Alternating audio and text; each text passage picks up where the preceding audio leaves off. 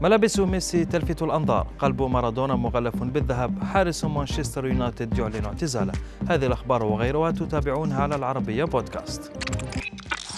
عادت الابتسامة إلى ليونيل ميسي مع وصوله إلى معسكر المنتخب رفقة زميله في سان جيرمان أنخيل دي ماريا. لكن أكثر ما لفت انتباه الجماهير هي ملابس ليو الباهظة.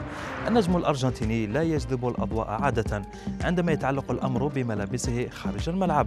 لكنه وصل إلى بلاده وهو يرتدي حقيبة لوي فيتون يقدر سعرها بأربعة آلاف دولار فيما وصل السعر الإجمالي لملابسه إلى نحو عشرة آلاف دولار.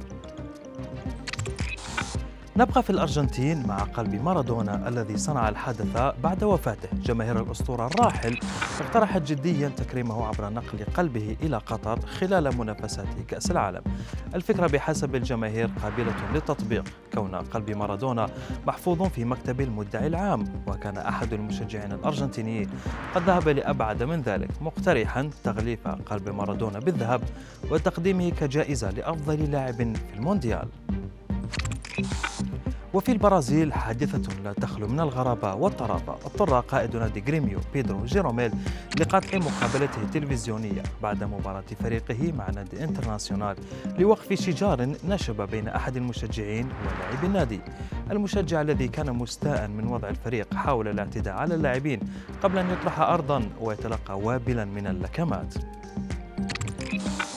حارس مانشستر يونايتد الإنجليزي يعلن اعتزاله كرة القدم، هذا الخبر صحيح لكنه خبر يخص حارس الفريق الرديف بول وولستون، الحارس الإنجليزي اعتزل لاعب كرة القدم وهو بعمر 23 بعد خضوعه لعمليتين جراحيتين العام الماضي، ولم يتمكن من التعافي واستعادة لياقته البدنية. حارس الفريق الأول دي خيا ساند زميله في النادي مشيرا إلى أن صحة اللاعبين لها الأولوية المطلقة.